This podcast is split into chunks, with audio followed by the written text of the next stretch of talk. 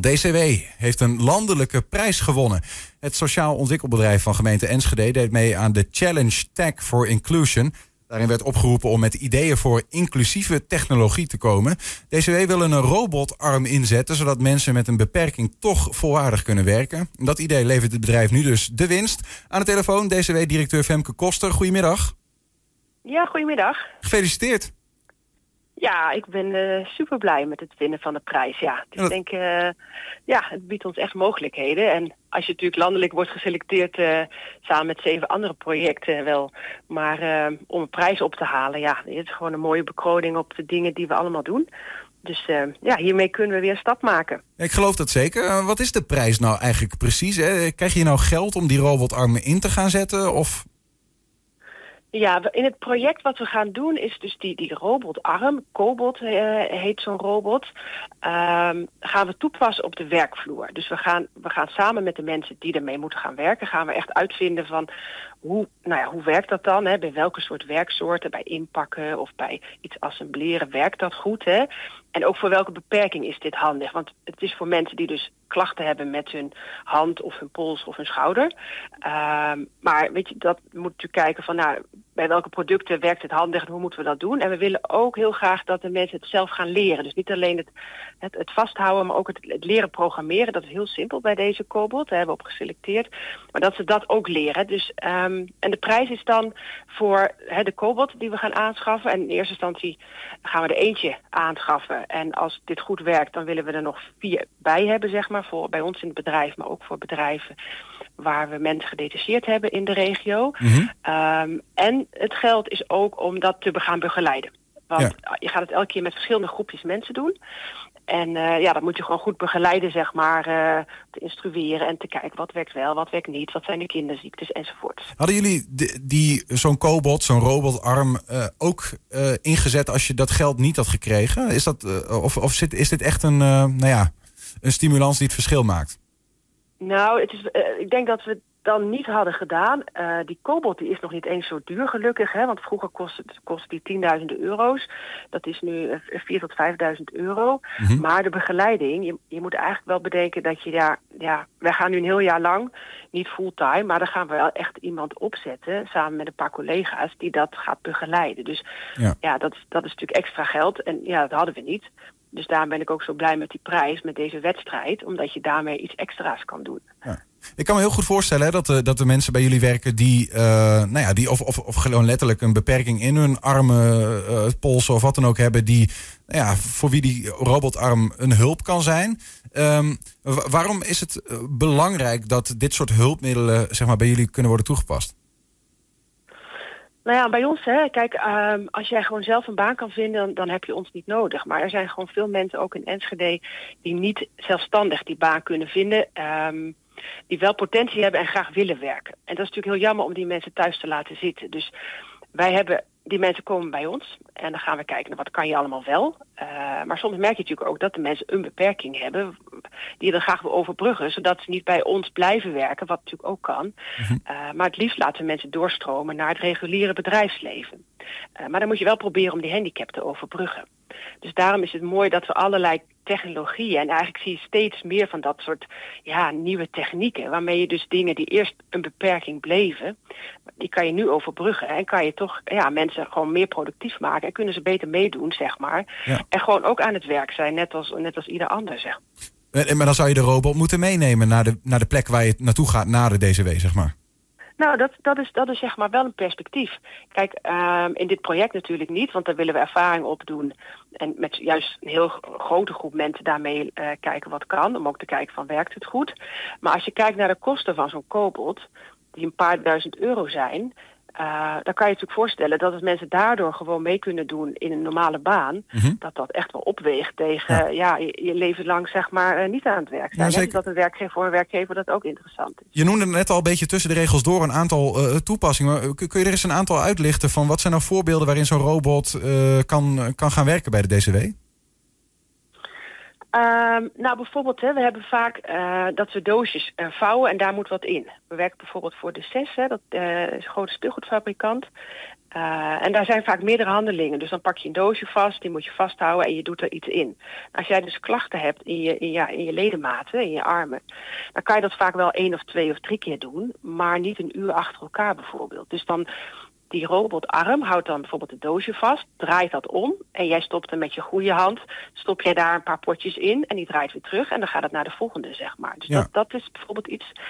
Um, maar het kan ook zijn, uh, je maakt een, een drinkbeker en daar zitten acht onderdelen in. En die hou je met die robotarm hou je die vast. En met je andere hand draai je de deksel erop of doe je er een papiertje in.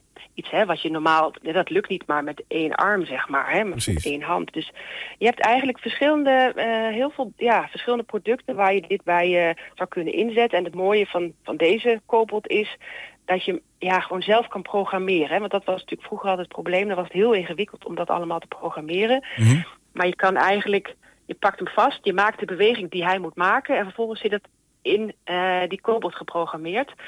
Uh, dus onze eigen medewerkers kunnen dat ook, als we dat hebben geleerd, kunnen dat ook gaan doen straks. Ja, nee, het, is, het is een pilotproject. Hè? Um, um, je noemde al even, ja, wordt, wordt gekeken van ja, in hoeverre kan zo'n ding worden ingezet en waar, waarin helpt hij dan? Uh, hoe wordt nou gemeten of die pilot geslaagd is?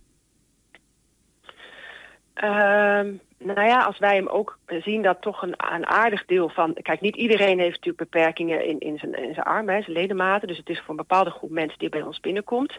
En als wij zien dat die mensen die dat hebben hiermee gewoon aan het werk kunnen komen en blijven... Ja, dan is het voor ons geslaagd. En dan gaan wij hem ook echt gewoon regulier inzetten in onze lijn. Ja. Dus het moet denken, ja, het moet gewoon uh, bruikbaar zijn in de praktijk.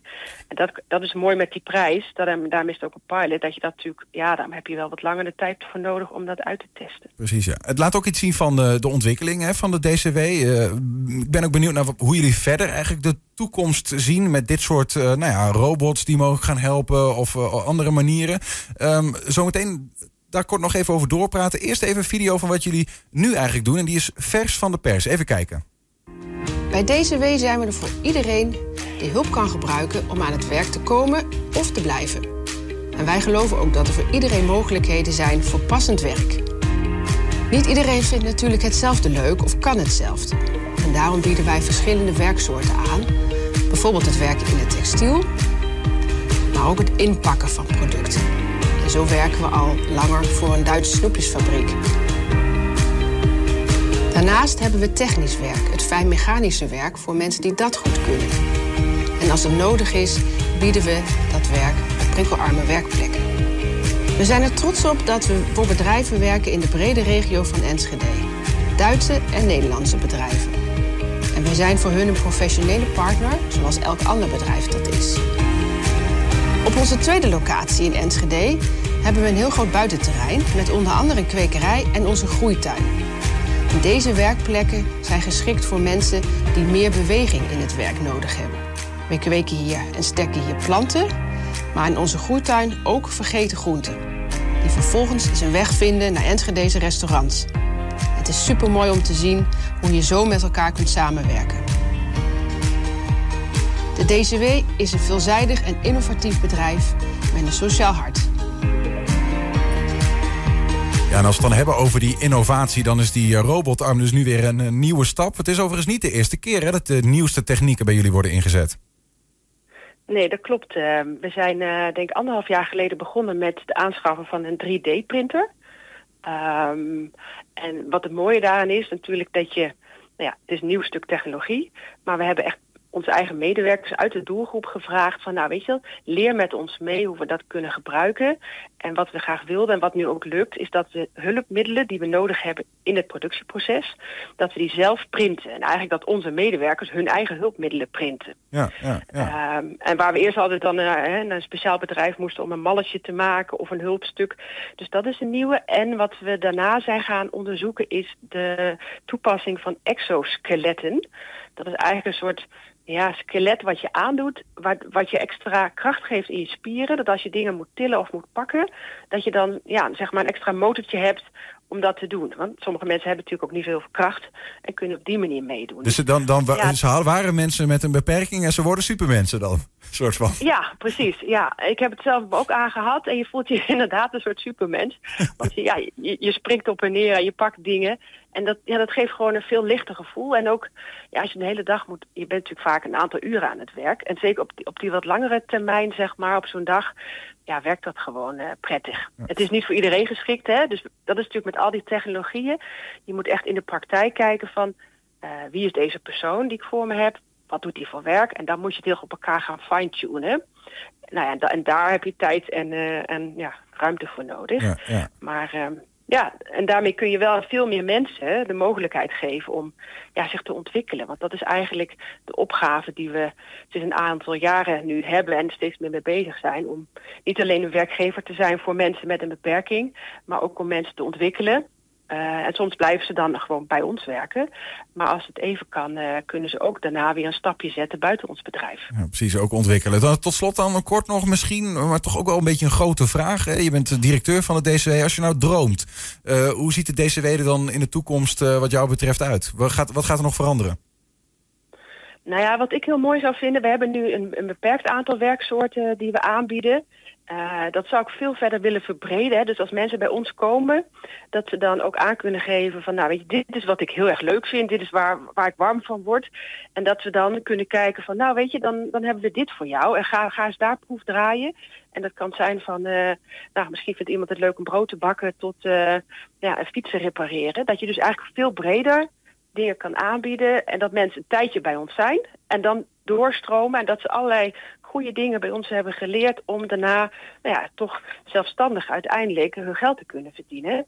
En uh, in een ander bedrijf gewoon hun ja. plek te vinden. En dat, dat zou ik mooi vinden als we dat, ja, dat vliegwiel, die springplank kunnen zijn voor nog een veel grotere groep in Enschede. Duidelijk. Dank voor uh, een beetje inzicht in wat jullie allemaal doen en uh, nou, wat nog de plannen zijn. Femke Koster van de DCW.